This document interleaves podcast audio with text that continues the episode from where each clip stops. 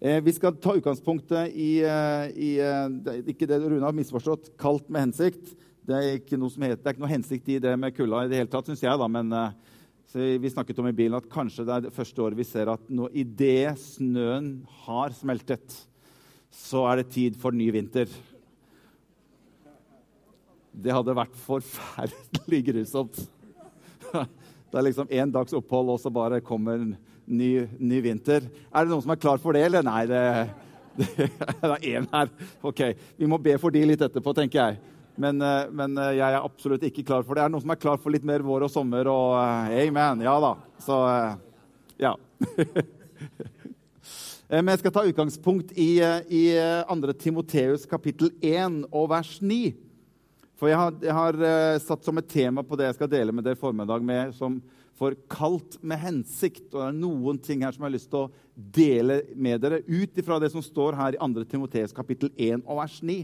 Der står det at det er Han som har frelst oss og kalt oss med et hellig kall. Oss, hvor mange tror du det er? Tror du det er noen få, eller tror du det er alle oss? Det er alle oss. Så det står at han har kalt oss med et hellig kall, ikke etter våre gjerninger, men etter sin egen hensikt. Så han kobler ordet 'kalt' og 'hensikt' sammen her. Og det er noe her som jeg har lyst til å dele med oss i formiddag. Og nåde. Den som ble gitt oss i Kristus Jesus fra evige tider av. Jeg leste litt om Moses og hvordan Gud kalte på Moses. Og Hvis du leser i andre Mosebok kapittel 3 og vers 10, der står det når, når, når liksom Gud, Jeg ser alltid for meg denne Moses-tegnefilmen når Gud kommer til Moses og, og den der brennende busken der og en fantastisk, eh, fantastisk øyeblikk der hvor Moses har med, med, med Gud. Og så kommer Gud til Moses, og så sier Gud til Moses, 'Moses, jeg sender deg til farao.' 'Du skal føre mitt folk, israelittene, ut av Egypt.' Det er jo ikke så aller verst å få den beskjeden ifra Gud. Og så står det, så, så sier eh, Moses i vers 11 Så svarer Moses tilbake til Gud, og så sier han Hvem er jeg? Og når Moses svarer det til Gud, så gidder ikke Gud å svare på spørsmålet hans engang. Han går ikke liksom inn i en dialog for å prøve, å forklare Moses hvem han er. Så selv om Moses spør 'Hvem er jeg?', så sier Gud som et svar tilbake til Moses 'Jeg vil være med deg'. Moses, fokuset ditt det må ikke være på hvem du er. Men fokuset ditt det må være på hvem jeg er, og at jeg er med deg. Det er selve poenget, Moses. For du vil aldri komme lagt hvis du og jeg har fokus på oss sjøl.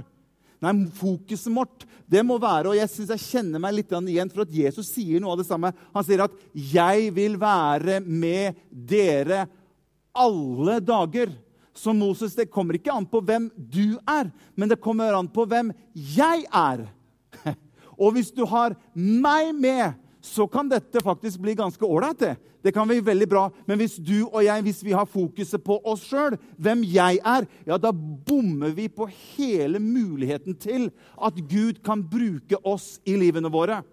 Og jeg tror veldig mange av oss, kanskje alle av oss, har en tendens til at vi hele tiden på en måte dreier litt oppmerksomheten mot oss selv. Meg, jeg? Hvem er jeg? Hva kan jeg få til? Hva kan jeg gjøre? Når Gud ønsker at fokuset skal være på hvem han er, og hva han kan gjøre gjennom ditt og mitt liv. Og det er noe av dette her som jeg tenker at jeg har lyst til å dele med dere, det som har med, med kalt med hensikt. Fordi det som skjer videre der i kapittel 4 For Moses han gir seg liksom ikke helt. da. Og det gjør ikke du og jeg heller. Så I kapittel 4 vers 1 så, sier Moses Moses svarte Men sett at de ikke tror meg, da, og, og ikke hører på meg Legger du merke til hvordan fokuset til Moses er? Fortsatt er fokuset mot, til Moses mot seg selv. Men sett at ikke de tror meg og ikke hører på meg, og sier at 'Herren har ikke vist seg for deg'. Han frykter hvordan andre skal reagere på at han kanskje har fått noe som Gud ønsker å bruke han til. Og så står det videre Da svarte Herren Moses og sa, 'Hva har du i hånden, Moses?' Gud svarer han ikke i det hele tatt på noen av spørsmålene som han stiller. Men han går bare rett videre, og så sier han til Moses Moses, ja, ja, ja, jeg hører hva du sier. Men Moses, hva, hva har du i hånden din? Moses, du må få oppmerksomheten bort ifra deg selv. Og så må du og jeg koble der vi kan koble, hvis jeg skal få lov til å kunne bruke deg i ditt liv. Henger du med? Så Gud spør Moses, 'Moses, hva har du i hånden?' Eh, hva sa du for noe? I hånden? Ja, nei, det her er bare en, en stav. OK. Bingo! og jeg tror det er noen ganger at du og jeg vi skjønner liksom ikke hvordan Gud tenker i forhold til hvordan han virker i sitt rike.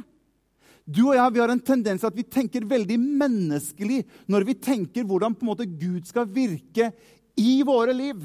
Og Det var noe av dette som jeg delte litt på, på Puls på fredag. For sånn, Guds rike fungerer annerledes enn vårt. I Guds rike så kan det være sånn at gi, så skal du ja, Nå må du hjelpe meg å preke litt. av det sa. Gi, så skal du ja, I min verden så har, sitter jeg igjen med mindre hvis jeg gir fra meg. Ikke sant? Det står til og med at den minste skal bli den største. Hvis du vil vinne livet, så må du dø. Den, den, den, den siste skal bli den første. Det, det, er et eller annet som skjer i Guds rike som ikke, som ikke samsvarer med vår måte å tenke på. Du kan liksom ikke si til Klæbo når han skal gå ut i finalen i sprint du, Klæbo, vet du, hva, Nå skal jeg gi deg et helt annet prinsipp. Nå går du ut, og så går du over målstreken sist. For da skal du bli den første. Nei, det kommer overhodet ikke han til å gjøre. For det er en helt annen måte å tenke på. Men i Guds rike så gjelder ikke våre prinsipper. Han har helt andre prinsipper han forholder seg til. Derfor kan han si at den siste skal bli den første. Derfor kan han si at Jesus skal du få. Og derfor kan han si at det du har, som jeg har gitt deg, som du og jeg noen ganger bare ser på som helt vanlig, helt, helt ordinært, helt sånn Ja, men det her er jo bare en stav. Ja! Fordi at jeg har gitt deg den staven, og jeg kan bruke det. Spørsmålet er ikke hva du i utgangspunktet har, men hva, kan, hva jeg kan bruke deg til, sier Gud. Hva har du i hånden, Moses? Det er det samme som Elisha spurte enken. Enken, hva har du i huset? Ja, men jeg har nesten ingenting hjemme. Ja, men har du noe der? Ja, men Det er så familiært, det er så vanlig. Det er liksom meg. Det er, det er, det er liksom, men det jo ikke, har jo ikke noe med Gud å gjøre. Nei, men Poenget er at hvis du og jeg kan begynne å koble kall og hensikt sammen, det er da Gud kan gjøre noe utover det som du og jeg tenker er normalt. Han kan ta to fisker og fem små brød, og han kan mette massevis av mennesker med det. Det er helt utenom våre parametere å tenke på. Bare Gud kan gjøre det. Og Derfor sier Gud til Moses, 'Jeg vil være med deg'. Det er ikke et spørsmål hvem du er, Moses, men det er et spørsmål hvem jeg er som er med deg. Og jeg har sagt at jeg skal være med deg alle dine dager inntil verdens ende. Det er det som er poenget. Og det er derfor jeg tror noen ganger at vi er nødt til å løfte blikket litt bort ifra oss selv og begynne å se på Han som er løsningen inn i våre omstendigheter og inn i livene våre. Amen. Hva har du i hånd, Moses? Og når, tror, når det står dette her ordet at han har kalt oss med hensikt så tror jeg at det ordet 'kalt' det gjelder ofte veldig ting som er oss litt nært. Det ordet 'kalt', hvis du leser grunntekstordet på ordet 'kalt' Selve naturen i det spørsmålet, i, i det ordet, er av en karakter som er veldig sånn ropende, selvsagt, obvious imot meg. Det er det ordet 'kalt' betyr. Ja, jeg, ja, jeg, jeg, jeg, kan litt uh, Jeg er litt flink til å Ja, det kan jeg. Ja, men, men det kan vel ikke være Skjønner, vi, vi, har gjort det å være kalt av Gud har vi gjort om til litt sånne superstjerneaktige greier. At det er bare noen få mennesker med en mikrofon som er kalt av Gud. Her står det at alle vi er kalt av Gud. Og vi må få bort noe av den tendensen at det å være kalt av Gud, det vil være av masse følgere på Instagram og en mikrofon i hånden og se litt kul og tøff ut med skinny jeans på en plattform. Kalt av Gud er noe helt annet enn det. Og hvis ikke vi bryter noen av disse mønstrene her, så vil vi ende opp med at du og jeg vi bare går rundt og føler oss mislykket. For det er jo de andre fire der. Ja, det er jo de som er kalt. Det er jo de som får det til. Det er jo de som har skjønt det. Og vi får bare prøve liksom å gjøre hverdagen så bra som mulig. Gud har kalt deg, og det å prøve å sammenligne oss med andre, det er en fornærmelse for Gud for hva han har skapt deg til og kalt deg til og lagt ned i ditt liv og lagt ned i mitt liv. Jeg må aldri begrense Gud med å sammenligne meg med noen andre.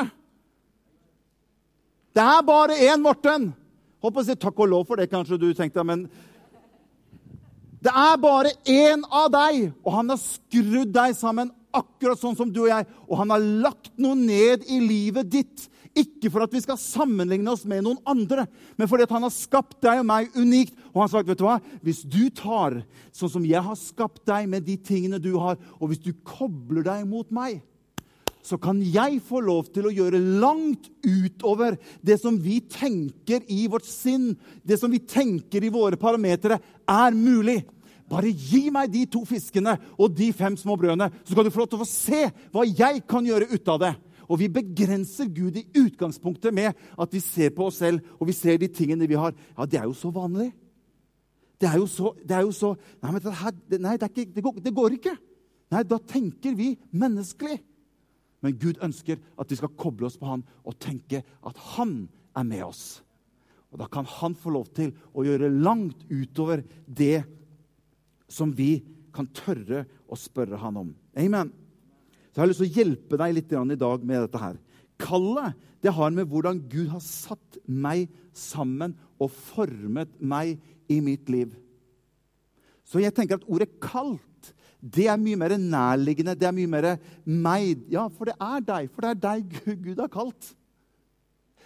Hensikt, det har ofte litt med de derre store drømmene og, og profetiene og, og, det vi liksom, det vi liksom kan se for oss. og Kanskje Gud som legger noen ting i hjertene våre osv. Og Noen ganger kan, bli, kan, det bli en konflikt. Det kan bli en avstand mellom hvordan jeg opplever og føler det i mitt liv, opp imot det som jeg kanskje kjenner i mitt hjerte, som er noe som kanskje Gud ønsker lenger fram. Og disse tingene kan begynne av og til å være litt motstridende. Og hør, Det er noe av dette som jeg ønsker å dele litt med noen få minutter. For sånne kall og hensikt, de må jobbe sammen. Skjønner, Kall har en partner som heter hensikt. Og det er disse to her som må få lov til å jobbe sammen. Og det er noe av det som jeg ønsker å, å, å vise deg litt. Gud trenger deg. Gud har kalt deg. Gud har ingen favoritter. Du har en jobb å gjøre ut ifra det at Gud har kalt deg og skapt deg med det potensialet, med de ting som du har i livet ditt. Og hør, Det står at Gud har gitt alle oss mennesker noe han kan bruke. Men vi lever i en verden som sammenligner alltid med det jeg har, med det han har. Og da ser jeg jo med en gang at jeg har jo ikke kjangs. Derfor så bare setter jeg meg ned, derfor så legger jeg meg ned, og derfor så gidder jeg ikke å gjøre noe med det. Fordi at det jeg har, har ikke kjangs. Da tenker vi menneskelig med en eneste gang. Så jeg skal vise deg noen ting her.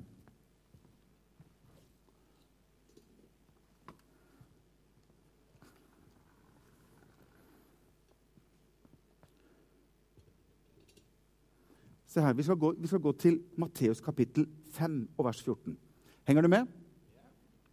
Matteus 5 og vers 14. Nå har jeg bare oversatt det som står i message-oversettelsen. Så jeg prøvde bare å over, oversette den litt sånn til sånn message-norsk, krøkkenorsk.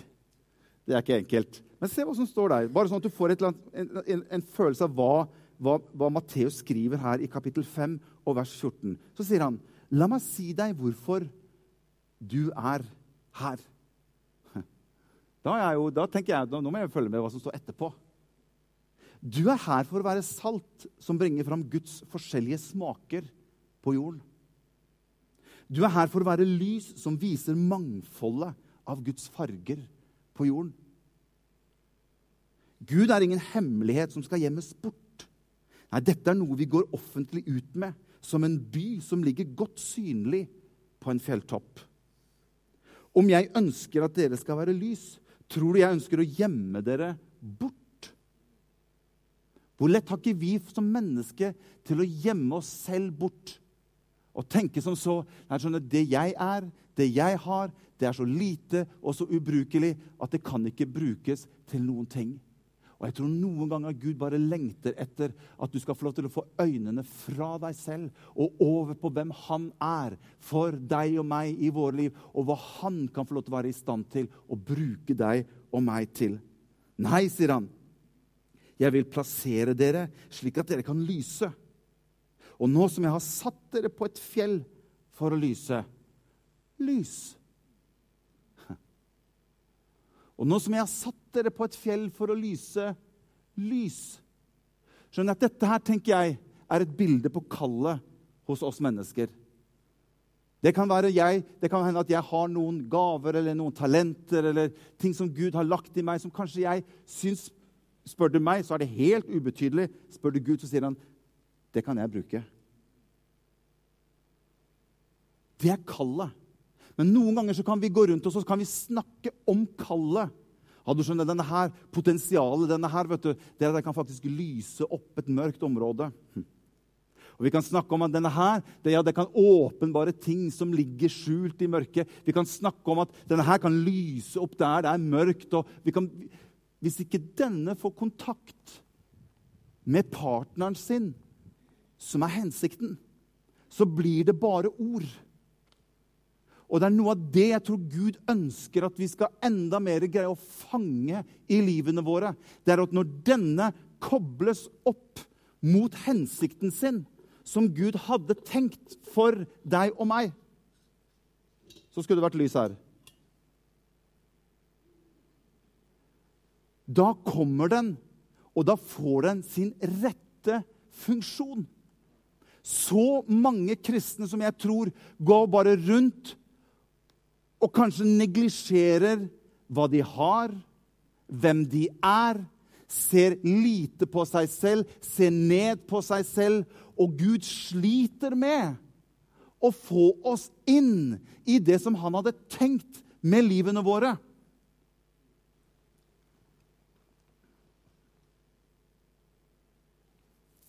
Og dette er en reise. Dette er, en, dette er en, noen ganger en kamp. Dette er noe som du og jeg må jobbe med. Og hør, vi, er nødt til å jobbe med disse ting hele livet. Det er ikke en engangskamp. Den onde han vil veldig gjerne holde deg borte ifra det som Gud ønsker å gjøre gjennom ditt og mitt liv. Kallet det kan han ikke gjøre noe med.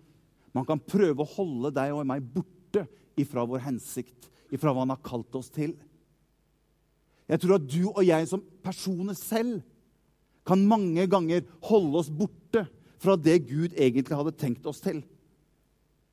Vi blir nesten vår eget kalls fiende. For vi begynner å se på oss selv, vi ser ned på oss selv, vi mister troen på oss selv. Og Jeg har bare lyst til å dele noen tanker rundt det. Er det greit? Det er en gutt i Bibelen som mange av oss kjenner til, og som Gud hadde lagt noe ned i hjertet til.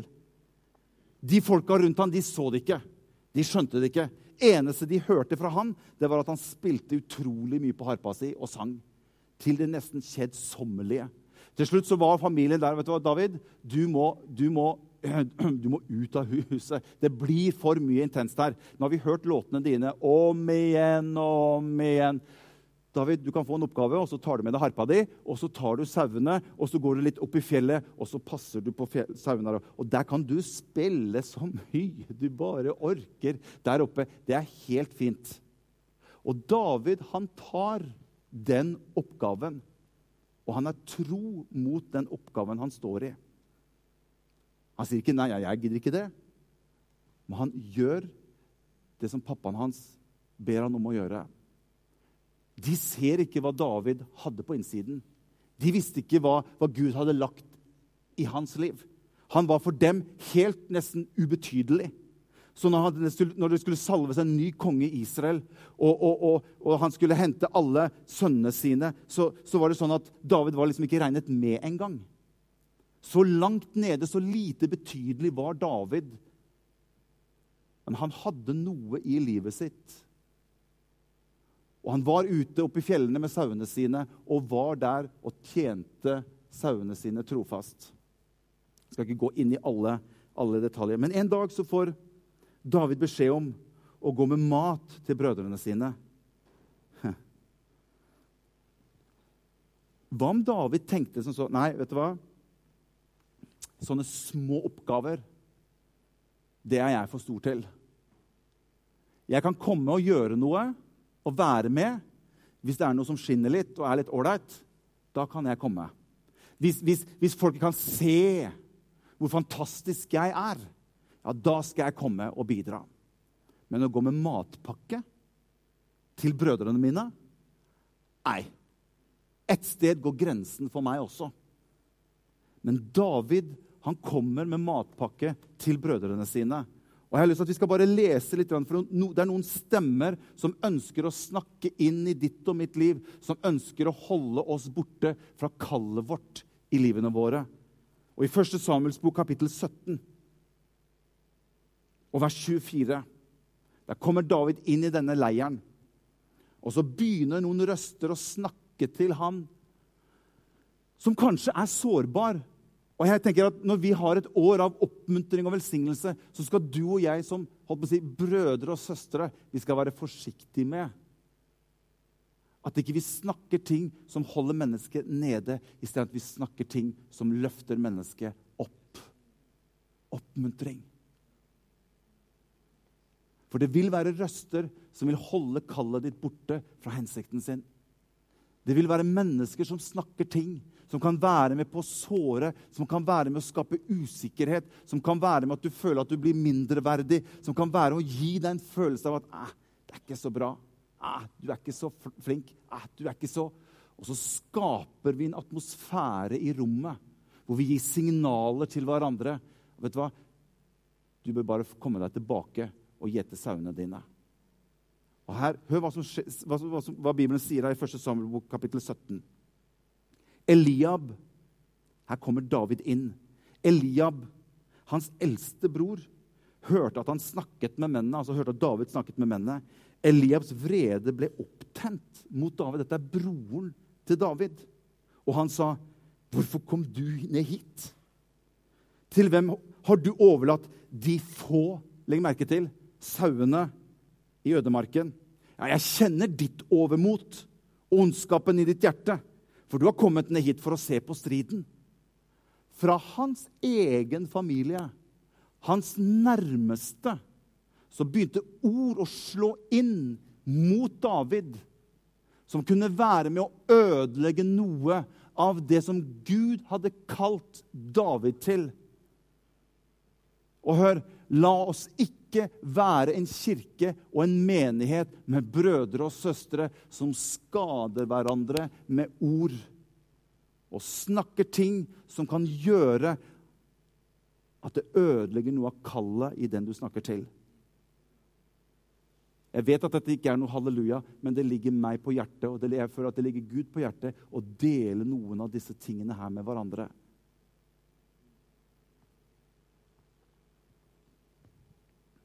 Davids egen bror, hans egen familie, var med å sette inn en stemme av utilstrekkelighet mot David. Jesus opplevde det samme, hvor de kom til Jesus og sier, 'Er ikke du bare snekkeren, da?' Er ikke, snek, er, ikke du, han Josef sitt sønn? Snekkeren, vi kjenner jo deg. Du er ikke, noe, du er ikke noe utenom det vanlige, du. Du er ikke noe spesielt. Og så ødelegges noe av det som Gud hadde tenkt å bruke i livet. Halleluja. Ja, det er egentlig ikke halleluja. Det passa ikke så bra der, det kjente jeg.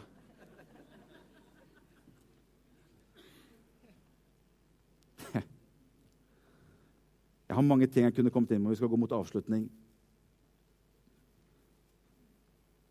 Innenfra oss selv. Noen ganger så tenker jeg at den reisen mellom kall og hensikt, hvis den tar lengre tid, eller hvis man ikke opplever at ting begynner å skje som man kanskje hadde håpet eller drømt, eller det som er i hjertet Så noen ganger så har vi mennesker lett for å kanskje begynne å snu ting rundt. Så i stedet for at vi er til oppmuntring for andre, så begynner vi kanskje å kaste noen ting og ser de andre ja, de, hva, hva er det de tror de er? Eller vi kan begynne å snakke til oss selv. Ja, Gud kommer aldri til å kunne bruke meg. Så drar vi oss selv ned når Gud sa til Moses, 'Jeg vil være med deg'. Misunnelse og sammenligning. Gud har ikke frelst deg og meg for at du og jeg skal konkurrere med hverandre. Skal si det en gang til. Gud har ikke frelst deg og meg for at vi skal konkurrere med hverandre. Man har kalt oss alle sammen. Og han er rik nok, står det, for hver den som tror. Du og jeg må aldri tro at det er liksom sånn at Gud har brukt opp en kvote på det å bli brukt av Gud. Jeg tror du og jeg blir mest lykkelig når du og jeg kan få lov til å være at Herre, her er jeg. Sånn er jeg. Jeg bare ønsker å gå sammen med deg. At du kan bruke meg til det du ønsker å bruke meg til. Og hold misunnelse borte fra meg, Herre. Hold mindreverdighet borte fra meg. Hold, hold, tanker av negativitet mot andre borte fra meg, Herre. Og hold mitt hjerte rent. Og hjelp meg til å løfte mine øyne så jeg kan se på deg for det er deg det dreier seg om, Jesus. Og hvis du kan ta det du kan, i all sin enkelhet, og ta det med inn i Guds hus Jeg kan ta det jeg har, og det jeg kan, inn i Guds hus, og vi kan tjene med det vi har fått. Så er det noe som skjer inne i Guds hus. For du kan ha en visjon. Du kan ha ting i ditt hjerte.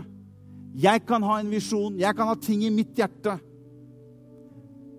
Men en visjon vil aldri være større enn den hensikt den er koblet imot.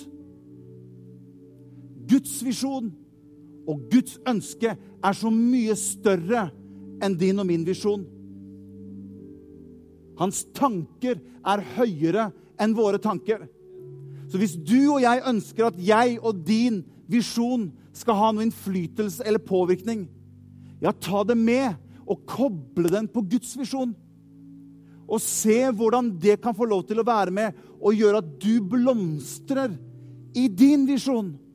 Fordi at vi kobler den på noe annet som er enda større enn oss selv.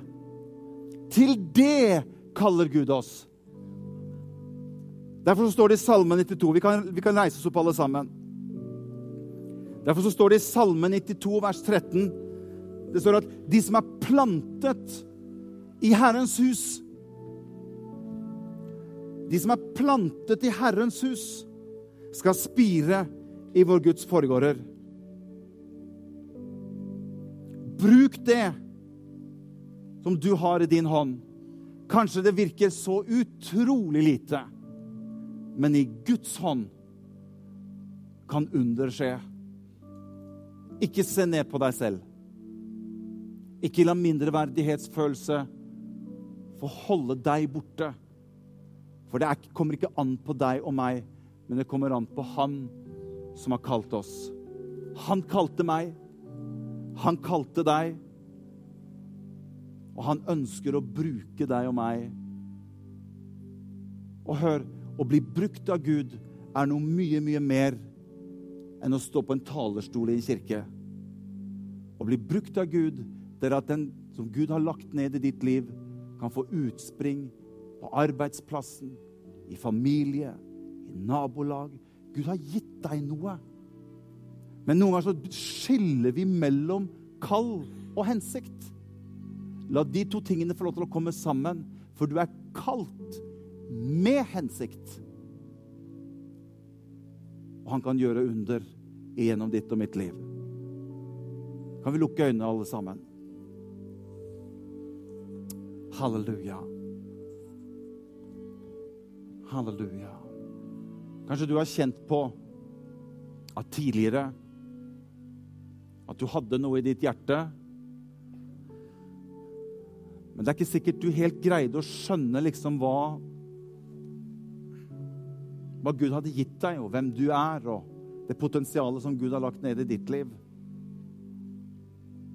Og så var det bare lampa som fikk all fokuset, og du glemte litt å se hvem du er, og hva Gud har kalt deg til.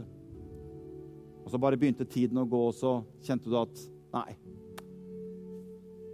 Det var kanskje ikke noe. Jeg har lyst til å si til at det er aldri for sent å begynne å få med Gud og koble det opp imot hva han ønsker å bruke deg til. Det kan skje i et øyeblikk, i et nu. Så er du på den veien igjen. Så jeg har bare lyst til at mens vi står her, vi har øynene våre Jeg skal ikke be mennesker fram. Jeg har bare lyst til å si at hvis du kjenner at dette er noe som ligger meg i hjertet, i mitt liv, så kan du bare få løfte opp en hånd. Så jeg har bare lyst til å be for deg. Det er mange hender. Mange hender. Gud har kalt deg. Gud har kalt deg. Gud har kalt deg med en hensikt. Og Gud har ikke gitt opp den hensikten og den kallet som han har for deg. Det er ingenting i Guds rike som heter at det er for seint. Nei, da tenker vi menneskelig igjen med en gang. La han få lov til på nytt igjen og vekke opp igjen noe av det som du kjente. Far, jeg ber deg for hver eneste en som har kjent noe i sitt hjerte, i sitt sinn, i sine tanker. Derfor at du er her, Hellige Ånd. Og jeg bare ber deg om at du bare på nytt igjen vekker opp kall til å være den du hadde tenkt at vi skulle være, Herre. Ber deg for hver eneste en. Ber for en som har rakt opp sin hånd. Ber om at du holder din hånd over oss, Herre. Takker deg for det, Jesus. Takk for hva du gjør, Herre. Takk for hva du gjør i kirken, Herre. Mennesker som du møter. Halleluja. I Jesu navn. I Jesu navn. Vi synger litt sammen. Takk skal du ha.